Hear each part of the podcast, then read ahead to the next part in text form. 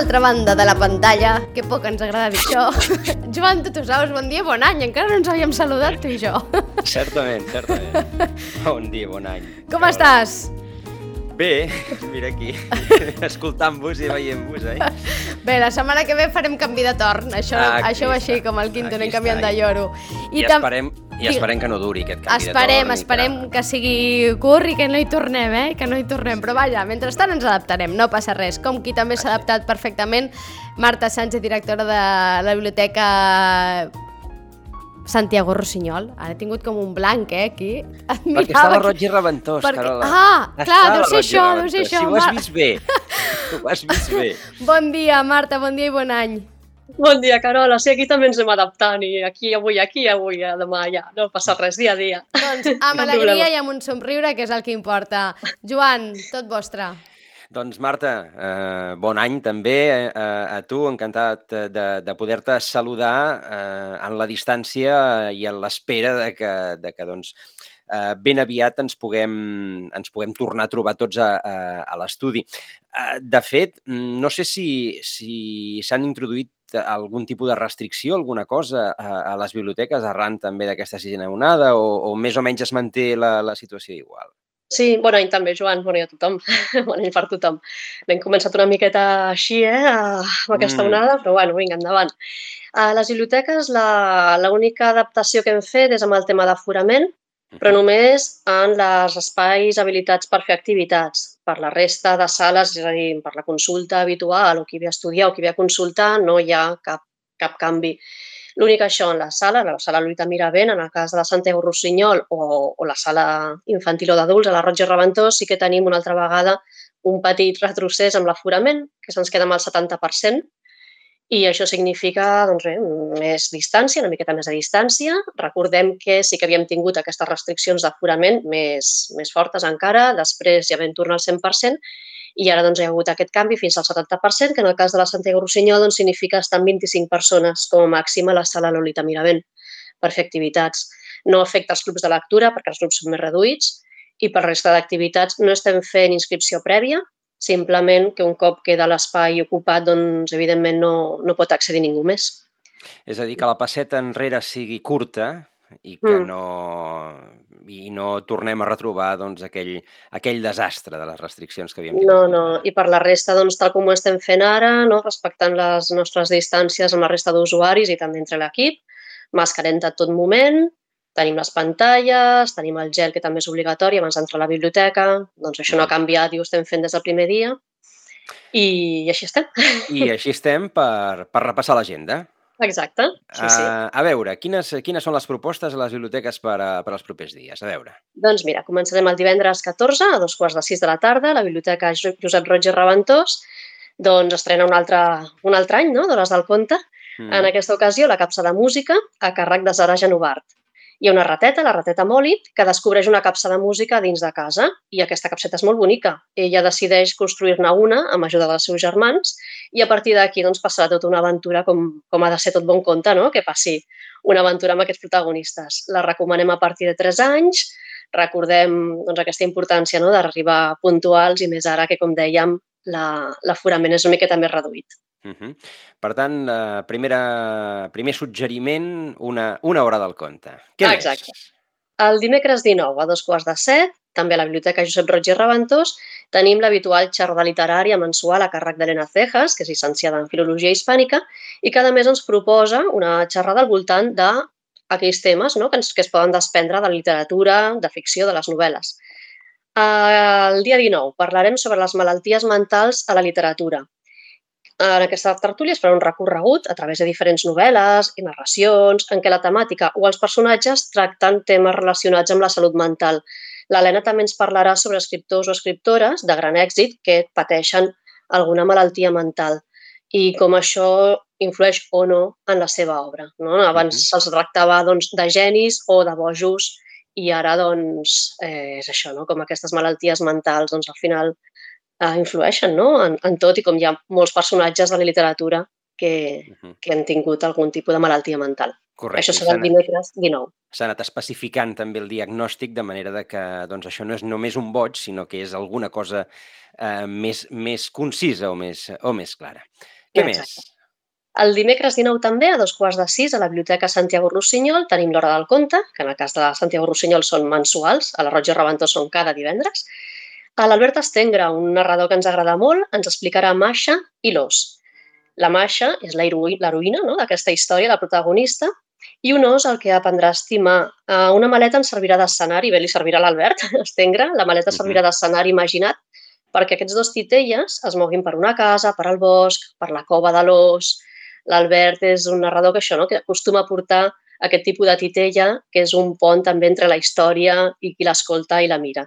També recomanada a partir de 3 anys a la Biblioteca Santiago Rossinyol. Aquestes hores del conte, que com ens recorda la, la Marta, a la Santiago Rossinyol són mensuals, en canvi a la Roig i Reventós ja fa de sempre, són, són setmanals els, eh, els divendres. Exacte.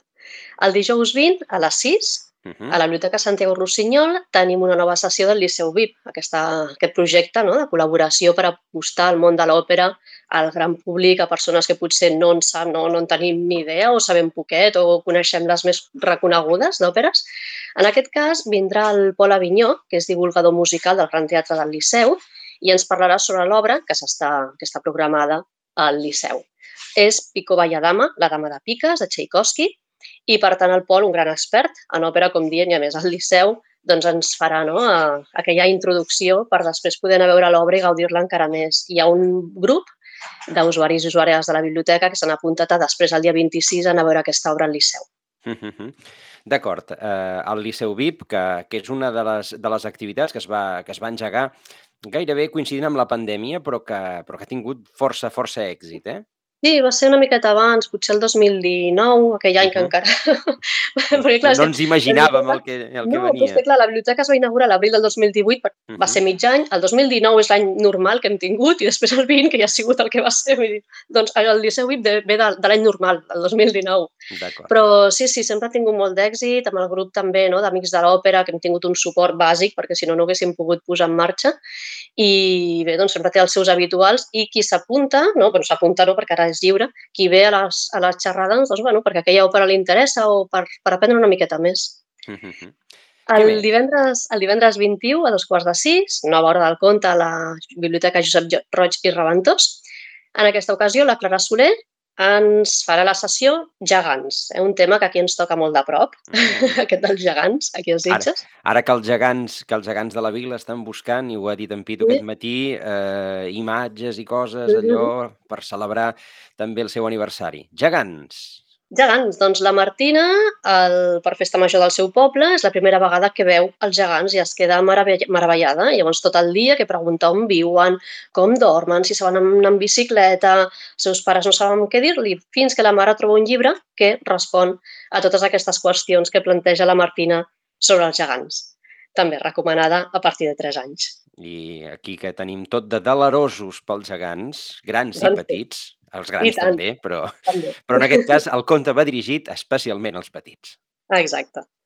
Divendres 21 a dos quarts de set, Biblioteca Santiago Rossinyol, presentem una novel·la històrica que es titula 1939, La caiguda de Barcelona. Uh, tindrem el seu autor, l'Andreu Claret, i en aquesta, en aquesta novel·la històrica eh, ens situa quan milers de, de refugiats marxaven cap a França, fugint de l'exèrcit franquista, i entre ells es troba Lluís Companys, eh, que acompanya Manel Plandiura, que és un boxejador, que li fa d'escorta, i doncs aquesta serà la seva història, no? que passa a partir d'aquesta fugida. Mm -hmm. Es titula la novel·la 1939, La caiguda de Barcelona, d'Andreu Claret. D'acord, doncs una eh, proposta d'això, de, de, de la Guerra Civil, o del final de la, de la Guerra Civil, eh, a la, eh, presentada en llibre. Exacte. Inscripcions obertes, a part d'aquestes activitats que, com deien, no cal una inscripció prèvia, sí que tenim inscripcions per certes activitats. Uh -huh. Una serà una, una cita, bueno, podria ser un club de lectura, però en aquest cas ens agrada més dir-li una cita, amb una novel·la que es titula Malamant i amb el seu autor que és Dani Alba. Dani Alba Ribatà, aquesta és la tercera novel·la que ell escriu, amb un toc molt personal. Uh, és una, una novel·la que comença així, Amor meu, vine, hem de parlar. no m'aturis, t'ho prego. I a partir d'aquí doncs, hi ha tota una història sobre l'amor, el desamor, la infidelitat, la passió, la traïció, la vida mateixa. Uh -huh. I sí que en parlarem, parlarem dels seus protagonistes, el Pol, el Gerard i la Júlia, sobre tots aquests plantejaments, que al final, doncs això, no? que és, és la, la vida, i ho farem amb el seu autor, el Dani Alba. Qui vulgui viure doncs, aquesta experiència lectora diferent s'ha d'apuntar. Tenim inscripcions obertes ara durant el mes de gener durant el febrer repartirem un exemplar de la novel·la i al març, a principis de març, tindrem la trobada amb l'autor, aquesta cita, amb Malamant i amb Dani Alba. D'acord, aquesta cita que no club de lectura, malgrat que, eh, òbviament, doncs, actuarà tot plegat com, com d'un club de lectura es tractés. Exacte. Una altra inscripció oberta és per un taller de manualitats per nens i nenes que tindrà lloc a la Biblioteca Josep Roig i Reventós el dimecres 26 uh -huh. i hi ha inscripció prèvia. És un, un projecte, una idea que, que ens enceta ara, aquest serà el primer, i es farà l'últim dimecres de cada mes. I serà un taller això, no? una proposta, un taller que ajunta una manualitat amb un conte. A partir d'un conte doncs, hi haurà una proposta per fer aquest taller per treure aquest artista que tots els nens i les nenes porten a dins i que és fàcil de treure i el resultat serà una manualitat que es podran emportar a casa i bé, doncs amb la proposta d'aquest conte cada mes, un de diferent. Uh -huh. Recomanat a partir de 6 anys i inscripcions prèvies a la biblioteca, presencialment, per telèfon o per correu electrònic. D'acord. Doncs aquesta, aquesta proposta conta que condueix a la construcció d'una manualitat. Exacte i dues inscripcions més obertes per als clubs de lectura infantil i juvenil, d'adolescents. Mm. Un és el Club de Lectura Aurin, per nens i nenes de 10 a 12 anys, 5è, 6è, més o menys, i l'altre és el Club de Lectura Protagonista Jove a partir de 12. Estan les inscripcions obertes. Eh, la idea doncs, és, és, és això, és formar un part d'un club de lectura, per tant, viure la lectura d'una manera diferent, no? compartint-la, escoltant les opinions dels altres, traient-li més suc allò que, que llegim i, a més a més, amb el plus que els membres d'aquests clubs són membres del jurat del Premi Protagonista Jove i del Premi Atrapar Llibres, amb aquestes dues franges d'edat. Són tres, tres llibres, tres novel·les. El que... Bé, de fet, un és un àlbum il·lustrat, que això és nou, però també li podrem treure molt de suc. Eh, són els tres llibres que opten a aquests respectius premis i, per tant, els comentarem i després els puntuarem. Seran tres sessions de les trobades, que seran al març, a l'abril i al maig. Durant el mes de gener obrim inscripcions, durant el mes de febrer repartirem el primer llibre perquè hi hagi temps de llegir-lo i al març ens trobaríem amb aquestes dues sessions, el de l'Aurin i el de protagonista jove. Perfecte. Animem a tothom que això, que tingui nois i noies d'aquestes edats, que els animin, perquè de veritat que les trobades valen molt la pena i bé, és una manera després diferent no? de, de viure la lectura i de treure tot el profit dels llibres d'una manera molt lúdica i, que, que, que s'ho passa molt bé els participants. Una gran manera d'iniciar-se també en, en el bonic hàbit de la, de la lectura, eh, especialment amb els, amb els més joves, en aquest cas. Exacte. I passaríem a alguna recomanació, si hi ha temps. A veure, i tant que hi ha temps. Endavant. Bé. Doncs porto una que, de fet, no la, tenia, no la tenia preparada i com que jo treballo a la Santiago Rossinyol, però avui estic a la Roig i Reventós i he dut una ullada, aviam què, què hi havia per aquí de nou, uh -huh. i he vist aquest i de seguida, no sé, m'ha cridat l'atenció. És un àlbum il·lustrat que es diu des de, des de 1880. Mm, de fet, és igual en la llengua en què es llegeixi perquè és un àlbum il·lustrat que no té després cap paraula. Tots són imatges és de Pietro Gotuso i està publicat per l'editorial Calandraca, que fa autèntiques meravelles. El recomanaria a tots, els d'aquesta editorial. És, eh, està a la sala infantil, però és que, com me l'he mirat, de fet, penso que és un llibre molt per adults, molt per adults també. La història és eh, una llibreria, de fet és una façana, un edifici així molt, no? com, com de l'Eixample, diguéssim, no? Uh -huh. d'una ciutat. No? I llavors hi ha una llibreria, un, el portal no? d'accés a la casa de veïns i després un altre aparador.